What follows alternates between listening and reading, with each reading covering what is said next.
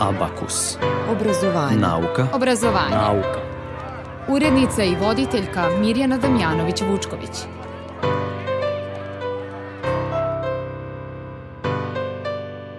O obrazovanju i učenju za Abakus govore profesor dr. Ivanka Popović od 2018. do 2021. godine rektorka Beogradskog univerziteta i Gabor Bunford, klarinetista, saksofonista i muzički pedagog. A za nekoliko minuta u studiju Radio Novog Sada biće dr. Ranko Rajović. Temu ne menjamo. Dobar dan. Vreme za nauku i obrazovanje. Proganja me stalno Nastasija Kinski Svaki dan mi dolazi u san. Priča da me voli Baš ono od istinski I vene Zbog mene. Brine me pomalo Ta lepa omladinka Ne mogu da odobrim njen stav Nosi moju sliku ko zaljubljena klinka moju sliku u novčaniku. Sve je to lepo i sve mi to laska, al mojoj faci ne pristaje maska.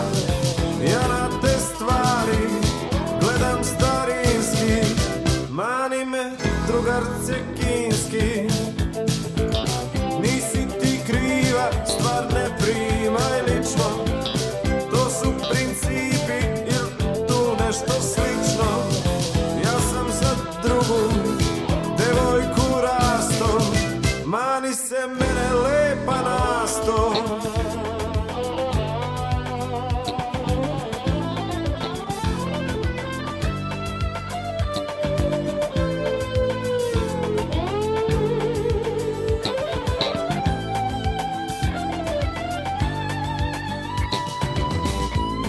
Shvatim šta nalazi na meni.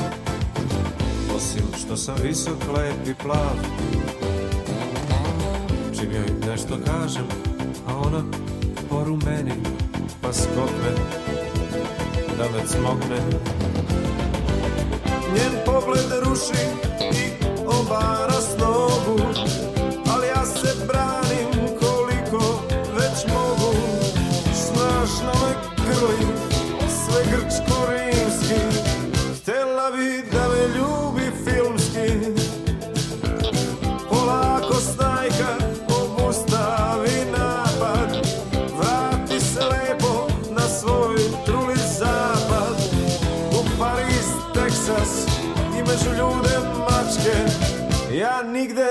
mrdam iz bačke U studiju Radio Novog Sada je dr. Ranko Rajović, profesor obrazovnih neuronauka na Pedagoškom fakultetu u Kopru i autor NTC Međunarodnog programa za razvoj ukupnih sposobnosti deteta. Dobar dan, hvala vam što govorite za Radio Novi Sad. Dobar dan, hvala vama što ste me pozvali. Danas ćemo govoriti o kretanju kako kretanje utiče na razvoj deteta ili više možemo da govorimo o tome kako nekretanje utiče na, na razvoj. Da, važna je tema. Mi imamo jako puno tih problema, posebno ako se pogleda držanje tela. Danas, pošto predajemo svim državama Jugoslavije, skoro 90% učenika ima poremeće držanja tela. To nikad nije bilo.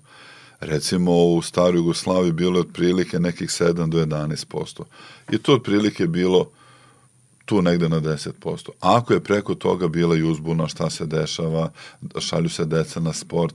Međutim, danas, kao da se niko time ne bavi, nema tog dečeg sporta i na kraju to dete je prepušteno samo sebi. Mi smo imali nekada, samo roditelji neku uporede. Mi smo imali slobodnu igru, trčali smo, skakali, išli na teren, išli u šumu. Znači, sami smo to išli i razvijali se. Naše dete nema kretanje. Mi kad smo radili test u prvom razredu, skoro polovini, polovina učenika ne može da čučne. Znači, oni, to svaki roditelj može da urade sa svojim detetom. Znači, dete kreće lagani čučanj, lagano su raširene noge i dođu do pola i odjednom propadnu. Kao da nemaju mišiće da ulaze polako u taj čučanj. Zapravo, ako oni nemaju mišiće na butinama, znači već tu e, ti mišići karličnog pojasa nisu razvijeni kako treba. Kičma ulazi u pogrešan položaj. I sad ćemo pričati, nije kretanje na kretanje važno samo za držanje tela. To je čitao niz problema i ako danas vidimo da 90% dece ima poremeće držanja tela, mi smo u ozbiljnom problemu i sad zovu da kažem isto i sa stopala. Nekada je bilo ravnih stopala od 7 do 11%, otprilike kao i držanje tela što je bio problem, tako su bile ravna stopala, a danas preko 50 u nekim gradima, preko 70% učenika u prvom razredu imaju ravna stopala.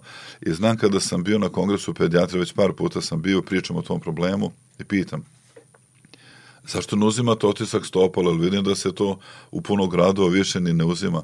Kažu oni, pa nema potreba kad skoro svi imaju ravna stopala. Pa ima potrebe. Prvi, neki znak da nema dovoljno kretanja jesu ravna stopala, slabi mišići i poremeće držanja tela. A kasnije ćemo pričati kako utiče to na sposobnosti učenja i na druge kognitivne sposobnosti. Slušate Abakus na talasima Radio Novog Sada. U studiju Radio Novog Sada je dr. Ranko Rajević. Razgovor nastavljamo za nekoliko minuta.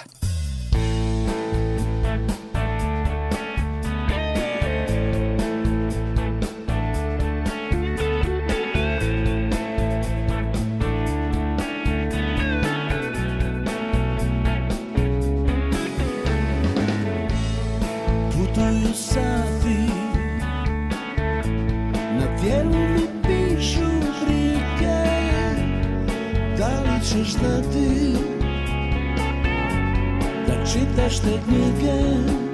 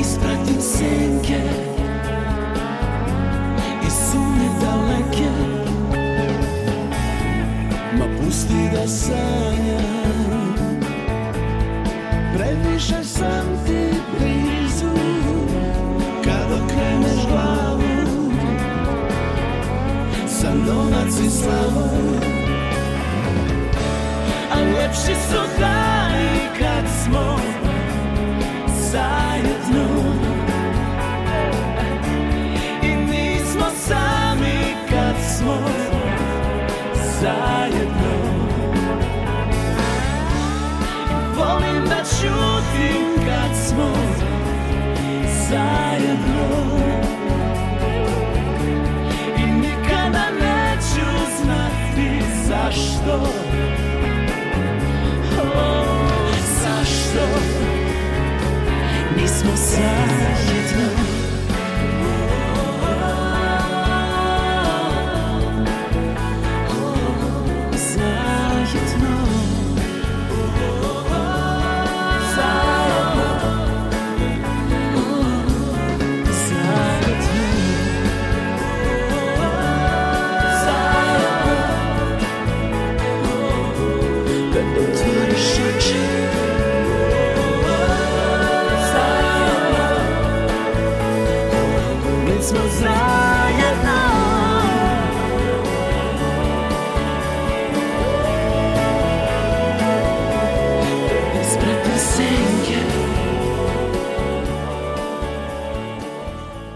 Doktor Ranko Rajević u studiju Radio Novog Sada. Danas govorimo o kretanju i razvoju dece. E, rekli ste u ovom prvom delu da je veliki broj najmlađih koji imaju problema sa držanjem tela. Kako se to e, manifestuje? Šta je ono što u stvari vi vidite kad vidite da, da e, deca nemaju pravilno držanje? Prvo primetimo tu slabost. Evo, roditelji neka se sete, nekad je bio test u prvom razredu, uhvatimo se za šipku, znači mi moramo izdržati na rukama da se podignemo, da tako ostanemo podignuti, pa su nas skidali posle 10 sekundi, ili mora i drugo dete da se testira. Naše dece ne mogu ni 3 sekunde. Njima su i ruke slabe, i noge slabe, mišići slabi. Za, za ovaj drugi deo razgovora bi uzeo podatak iz Slovenije. Tamo predajem na fakultetu, šaljem studente da rade master radove, doktorati, istražujemo koji su to problemi, šta se dešava. Jer tamo je nekako to oni gledaju preventivno. Čim se pojavi problem da odmah vide zašto je da ga rešavaju, ne da čekaju da se to nakuplja i nakuplja. I onda su studenti koji sam poslao jedan grad blizu Ljubljane uradili u vrtiću državnom testiranje dece nekih 20 elemenata da na nabram sve, ali jedan bi bio, je bio jako važan. 60% dece od 4 godine nemaju skok nazad. Mi njima pokažemo. Oni se namesti, izbune se, ne mogu da skoče, oni iskoraknu. I pri tom, mo, u momentu kad iskoraknu, oni se zaljulju, gube ravnotežu. I pitao me, sećam se kolega na fakultetu, pa dobro, kako je to ima veze na učiće? Ne radi se o tome. Dete koje sa četiri godine nema skok nazad možda će imati problem sa matematikom u minusu. I često bude pitanje, sad idemo na taj drugi deo razgovora, pa kako veze ima sad matematiku u minusu sa, sa skokom nazad? Pa ima velike veze. I sad ću to objasniti. Zašto je kretanje važno? Živa bića koje se ne kreću, to su biljke. Nemaju neurone. Njima nervni sistem ne treba. A živo bića koje se kreću imaju nervni sistem. To znači, karakteristika živih bića koje se kreću jeste nervni sistem A u celu tu analogiju, ako gledamo najsloženiji nervni sistem, imamo mi ljudi. Da prevedemo, mozak se razvija kretanjem. A danas je poznato da mi kad se rodimo, mozak nije razvijen. Čak i profesor Lichtman sa Harvarda tvrdi da smo mi fetusi do treće godine. Što je jako čudno, svi znamo šta je fetus. Ali on tvrdi, mi smo jedina živa biće koja smo nesposobna za samostalni život do treće godine nama treba nečija pomoć.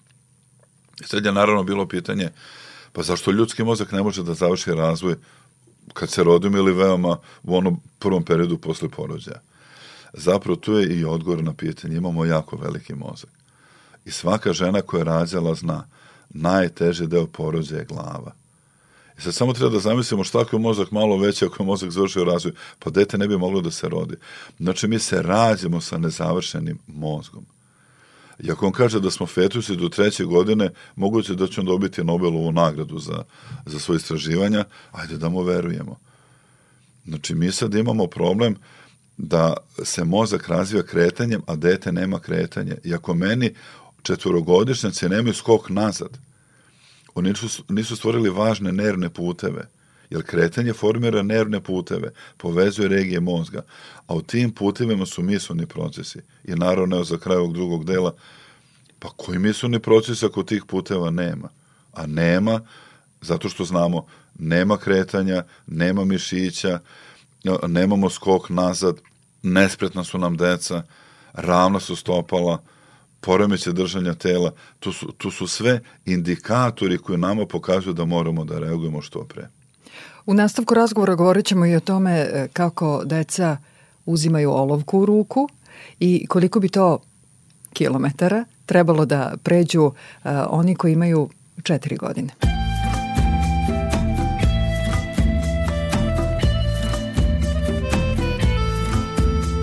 Stojimo kao da smo daleko od istog sunca Daj mi to što mi treba, hajde daj mi put do tvoga srca.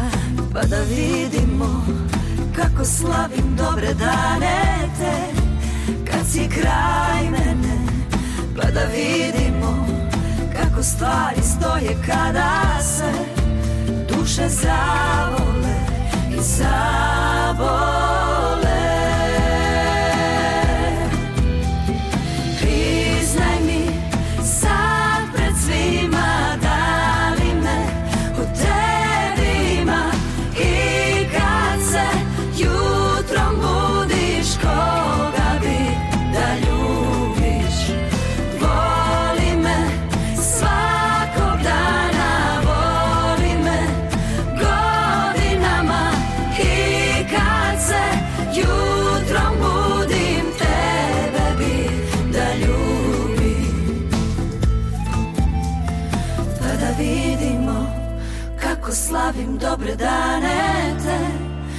si kraj mene Pa da vidimo kako stvari stoje kada se Duše zavole i zavole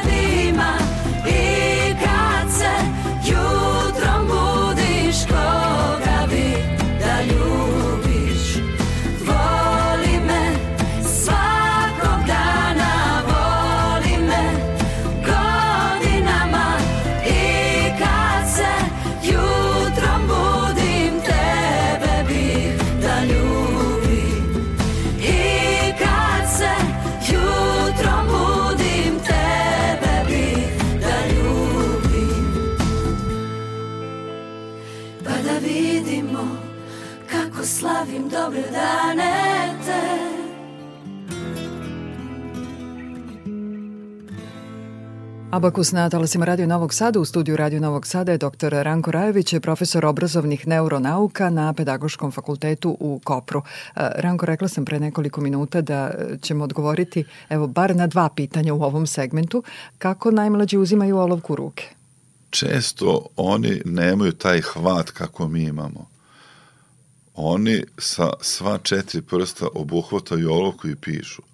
I onda kad smo videli da je to sve više i više, sve više se javlja u školama, čak sam i radio istraživanje, ima nekoliko godina u Vojvodini, gde sam radio sa decom od 5 godina u vrtiću, gde sam dobio 50% njih sa 5 godina ima već poremeće neke fine motorike. I sad kad pričamo o kretanju, vrsta kretanja je i, i fina motorika, imamo 10 prstiju. Za te naše prste imamo 20 mišića na podlaktici. Pa čekajte, ako ti mišići ne rade, jer nema fine motorike, kako će dete sutra pisati? Ali sve to kad se beremo, nema kretanja, nema fine motorike, mi stvarno imamo problem pošto mozak ne može da razvije neke važne regije. I čak su Amerikanci utvrdili ima deseta godina na Harvardu, pa su posle nezavisne istraživanja potvrdila da američki tenedžeri, pričam pre 10 godina, imaju smanjene duboke regije mozga. To su bazalne ganglije, da sad ne objašnjamo, ali ako su te ganglije smanjene, to je smanjenje kognitivnih sposobnosti. Pa ajde već ako kasnimo za njim u nekom tehnološkom razvoju, da znamo da to nas čeka, sad nas je to sačekalo. Ako su smanjene bazalne ganglije, dete u školi ima problem i to se vidi.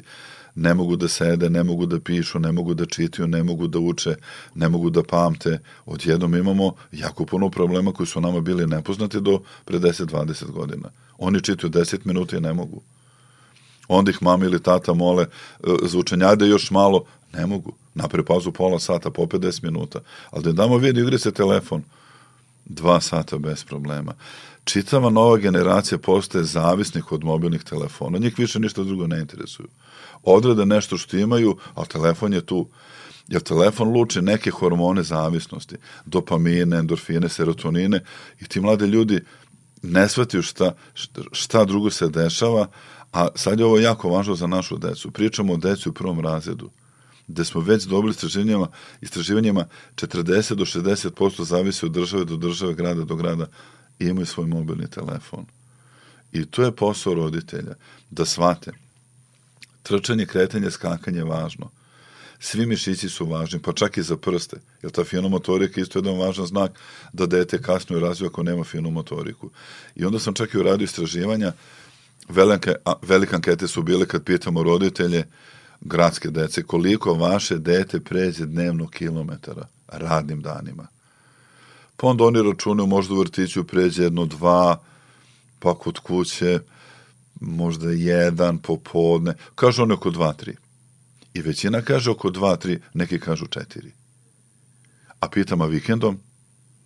I onda se roditelji na smeh kažu manje. I sad ako naše dete, pričamo sad predškolski uzrast, ajmo reći 5-6 godina, ako oni pređu 3-4, ajde 5 km dnevno, koliko je fiziološki zapravo potrebno. Jer mi sad imamo situaciju, to roditelji mogu odmah da vide. Dete malo treba da zaspe čim legnu kreveta. Naša deca ne mogu. Pa onda roditelji uspavljuju dete. Jer najveća životna energija koju smo dobili u životu je od druge do pete godine da bi se kretali, jer kretanje se mozak razvija. Znači, ta biološka energija nama bukvalno data da se krećemo. I ako dete ne pređe određen broj kilometra, reći ćemo koliko je, energija ostala u njemu ne može da zaspe. To je prvi znak da nema dovoljno kretanja. Onda smo uzeli decu od pet godina. Bio NTC kamp na planini Gučevo, tu je livada, tu je šuma, pustimo ih, ništa forsirano. Znači da normalno imaju, odlaze u šumu, sakupljuju grane, prave kolibe, imaju tu poligone, trče, pa ste futbol, to je mala ski staza plava. Oni igraju futbol niz brdo uz brdo. Jer njima je dosta, da oni moraju da se igraju, nemaju TV, nemaju telefone. Mi smo merili ujutro od 9 posle doručka, pa do onog momenta pre večera oko 6 cela ta žuta grupa, tako zovemo te malo od pet godine, oni su prešli 20 i nešto kilometara. Još je bila neka šetnja od pet, da nismo išli u šetnju, oni bi prešli 30 kilometara. I onda sam vidio, znači, fiziološki zdravo dete pređe 25 km, pričamo o deci od 5 godina, a naše gradsko dete 5.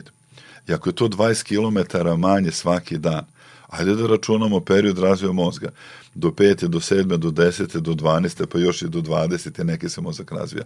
Pa naše dece nadostaje za razvoj mozga možda 100.000 km.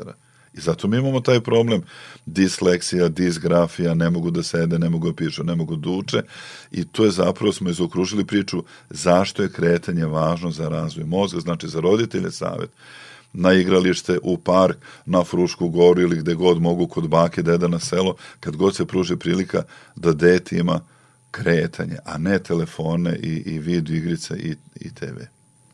E sad malo da saberemo i otuzmemo ove podatke koje ste nam rekli, a razgovor nastavljamo za nekoliko minuta. U studiju Radio Novog Sada je dr. Ranko Rajević.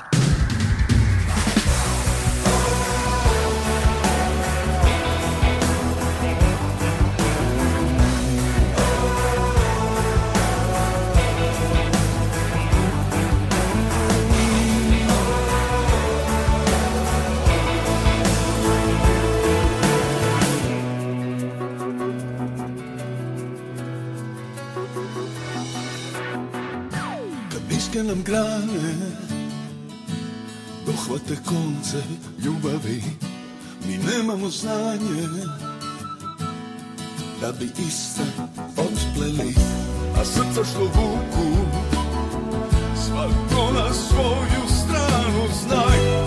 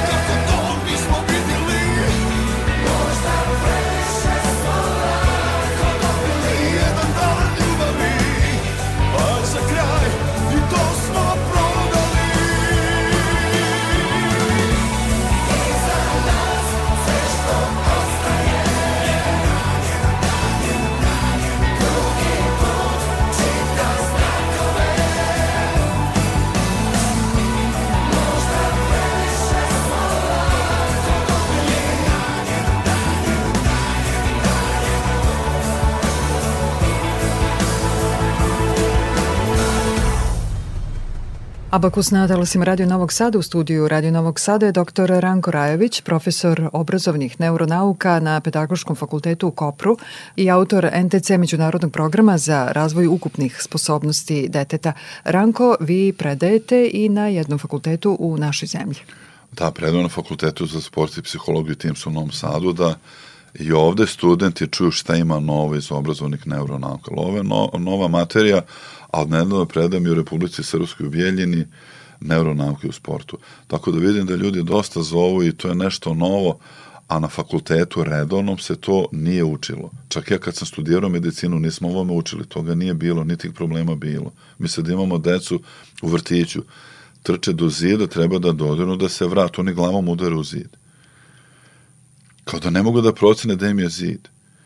I mi smo učili da postoji neki proces integracije tih svih nervnih puteva, to je senzomotorna integracija.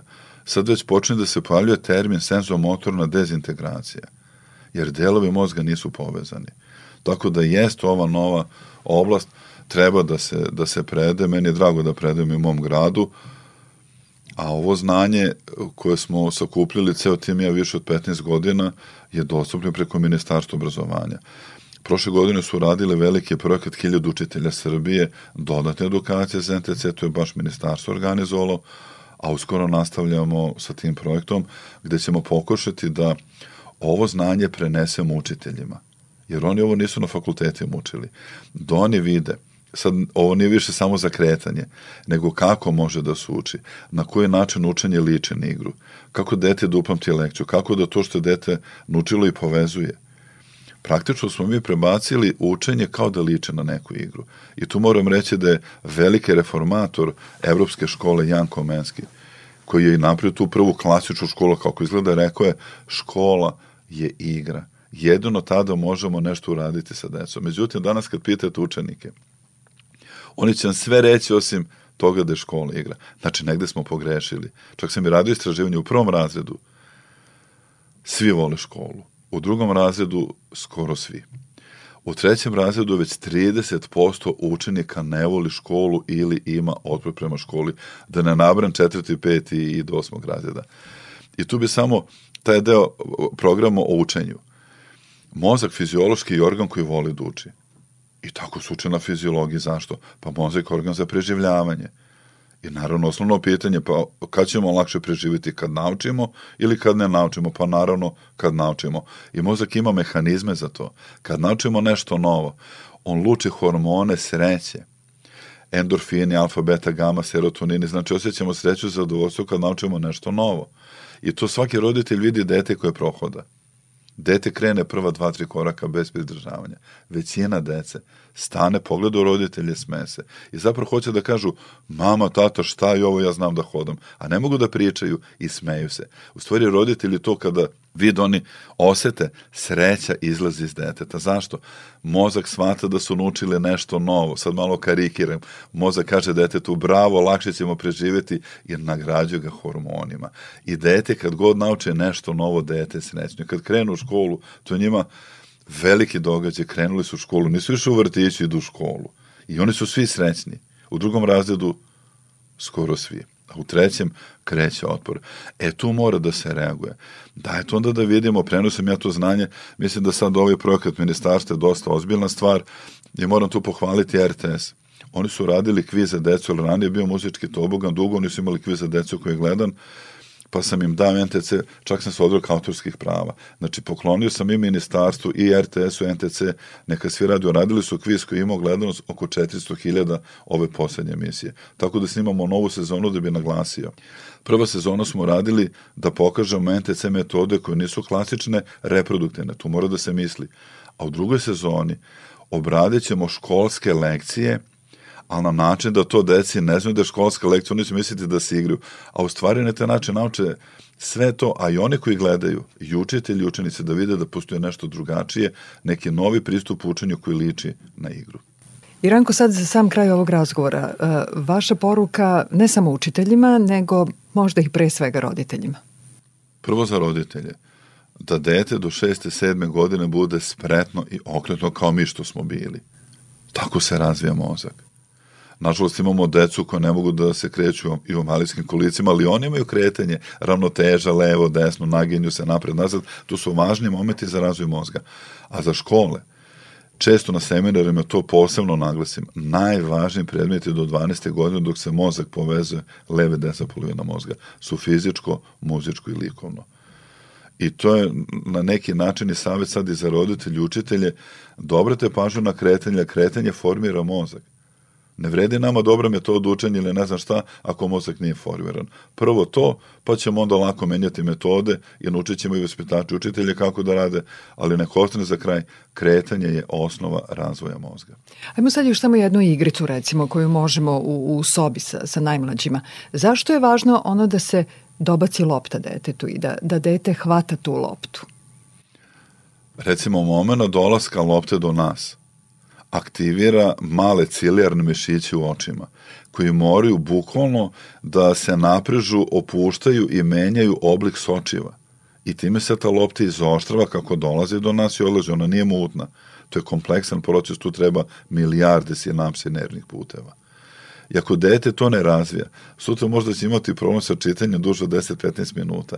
Zato lopta je jako važna, mislim sad u stanu da nešto ne polome. Može da se uzme da lagana, kotrlja. pa za malo decu ti godine kotrljamo loptu, pa oni recimo rašire nogice i kad im dođe pred njih, jednom rukom da ju uhvati ili sa dve pa oni ko trlju gledaju loptu. Već starija deca, 4-5, moraju da hvataju loptu u ruke sa dve šake, ali ne u naručje, s ispruženim rukama. I to su tigre koje roditelji mogu da rade u parku, mogu čak i u stanu. To je sad jedan od tih saveta, ali puno toga mogu da nađu na sajtu ntcučenje.com, gde su svi ti saveti otvoreni, dostupni, besplatni, neka se malo edukuju. Iskok unazad, Da ne bi bilo problema Ali sa oduzimanjem. da ne bi sad neko išao pa idemo da skačemo nazad. To mora da bude deo igre. To znači deca koje su međusobno na igralištu, oni će naći stotinu igara da će, imam, da će biti taj skok nazad ili bočni skok, a ne meni da, kaže, da kažemo deci idemo skoku nazad deset puta. To nije to, to je forsiranje.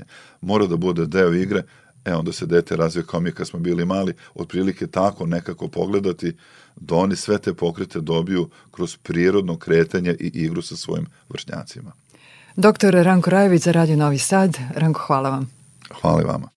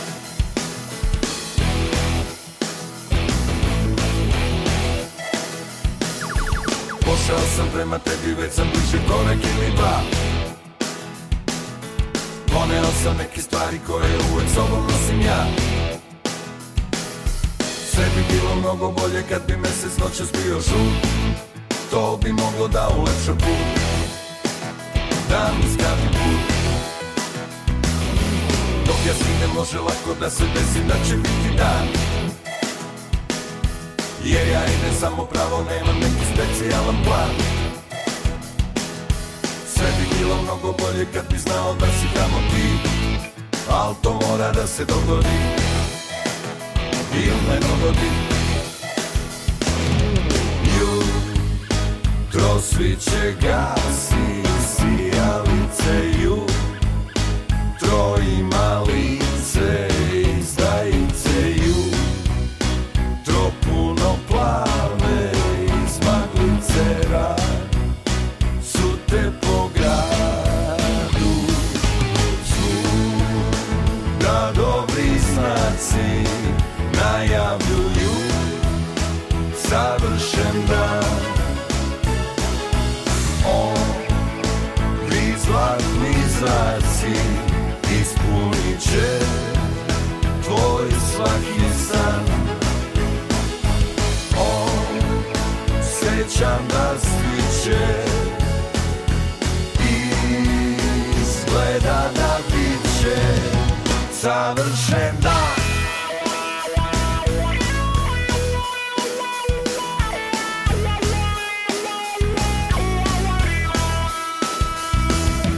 Pošao sam prema tebi, već sam bliže korak ili dva.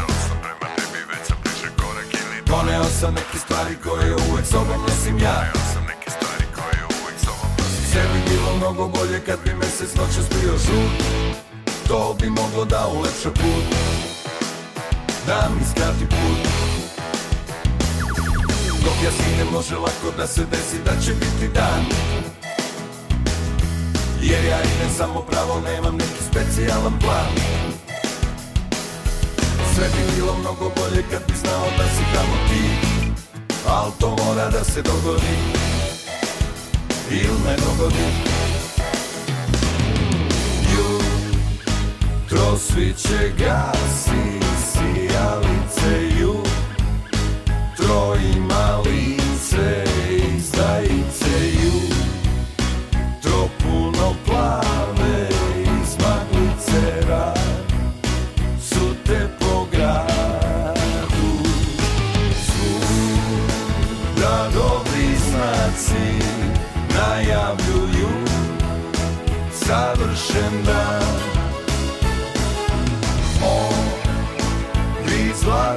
zraci ispunit će tvoj svaki san. Osjećam da stiče Izgleda da bit će savršen dan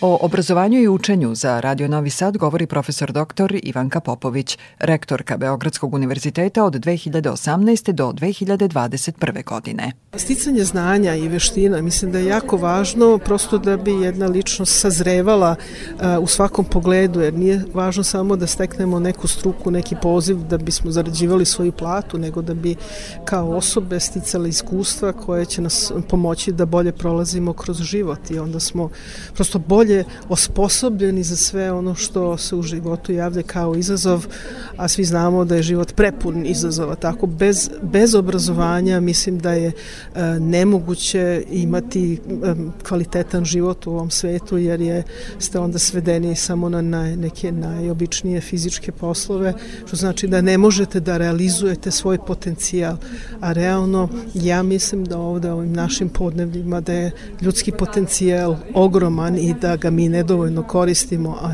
i obrazovanje je onda prvi korak na tom putu. Znanja stečena na fakultetu osnov su za nastavak učenja osnovni pojmovi, neke stvari su prosto principi koji su opšte važeći. Trendovi mogu da se menjaju, ali ona osnovna znanja, neću da kažem da su večne, neke se teorije pobijaju pa se unapređuju, ali e, osnovna znanja su jako važne i zato kampanjsko učenje ne daje taj rezultat. Mora, mislim, ta stečena znanja moraju da budu trajna.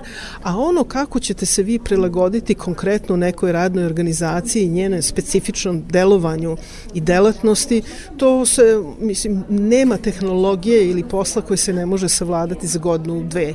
To uvek svako može, ali će to lakše učiniti ako ima prethodna znanja. I zato, mislim, kako god da gledate, e, ne možete zaobići obrazovanje kao sredstvo kojim ćete lakše doći do cilja bilo kog da ste sebi postavili. Kako rešiti problem manjeg interesovanja budućih studenta za pojedine smerove? Postoji manjak onih koji se određuju e, i žele da budu profesori matematike, tu je zaista veliki problem.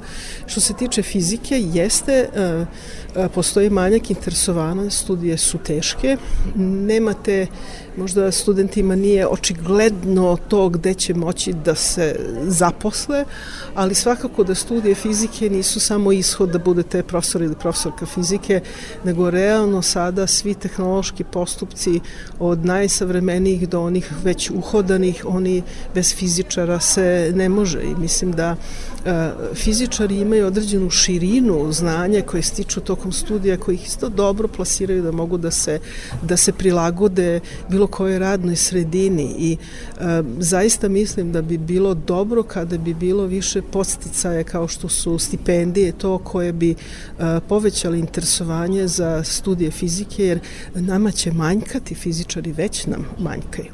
Za Radio Novi Sad govorila je profesor dr. Ivanka Popović, redovna profesorka na Tehnološko-metalurškom fakultetu u Beogradu.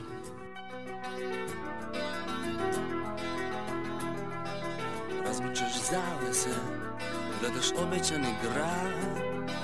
Svetla se pale i tinja želja tebi. Još uvek ti đavoli vire iz rukava. Svaki nokat krije otrov ljubavi. Ti si sav moj bol.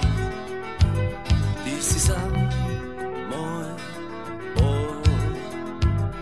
Ti si sav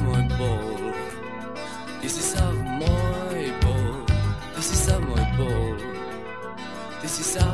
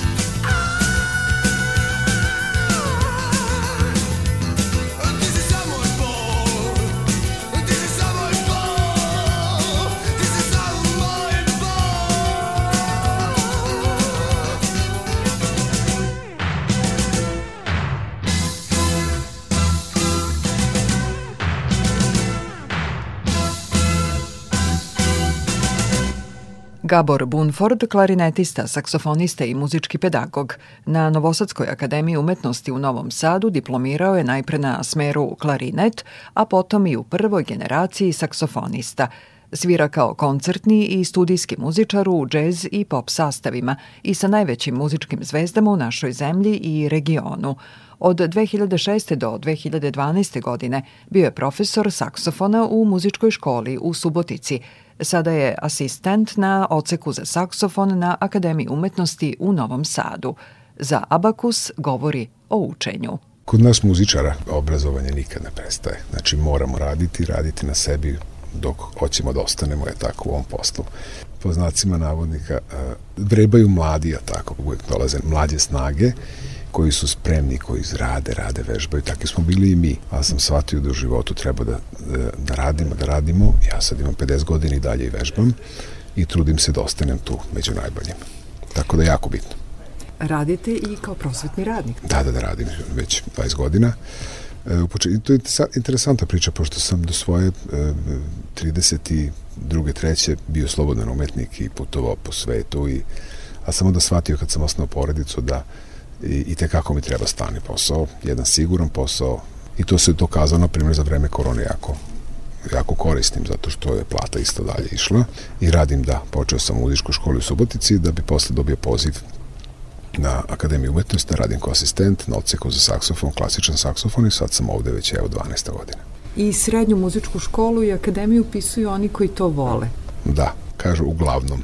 Ima i tu. I tu se događa da, da u srednjoj školi, čak i na akademiji, da možda 80% ili 70% završi tih, 30% otpadnu. Znači, neko shvati to na drugoj, trećoj godini da nije to za njega i jednostavno ostavi ko zna zbog čega i da se promeri to. Nikad nije kasno ni menjati zanat ni struku, ali bude i toga, da. Šta je najvažnije za, za uh, učenje i za posao kojim se vi bavite? Najvažnije da ga volite, apsolutno.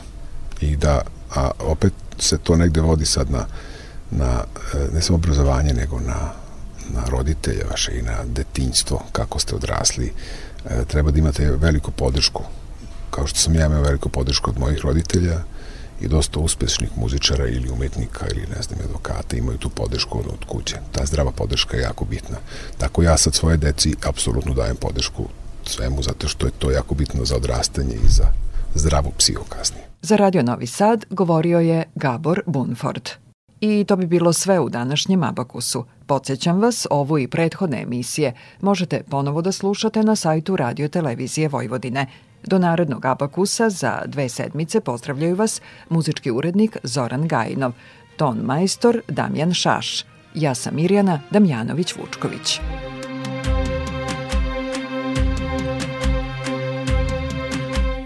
Raduj se, makar pošla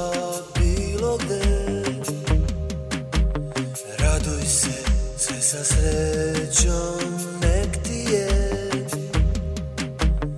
Neka ti sve od ruke ide.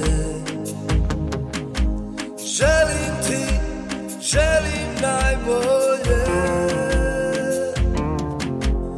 Neka te ljudi srećno vide. Ti si nedužna, kriv sam samo ja. Pitaju me, pitaju oko moje Ko sad ljubi ljudi tvoje. Pitaju me, pitaju mila gde si? Ja im kažem srećna jesi. Pitaju me, pitaju oko moje Ko sad ljubi ljudi tvoje.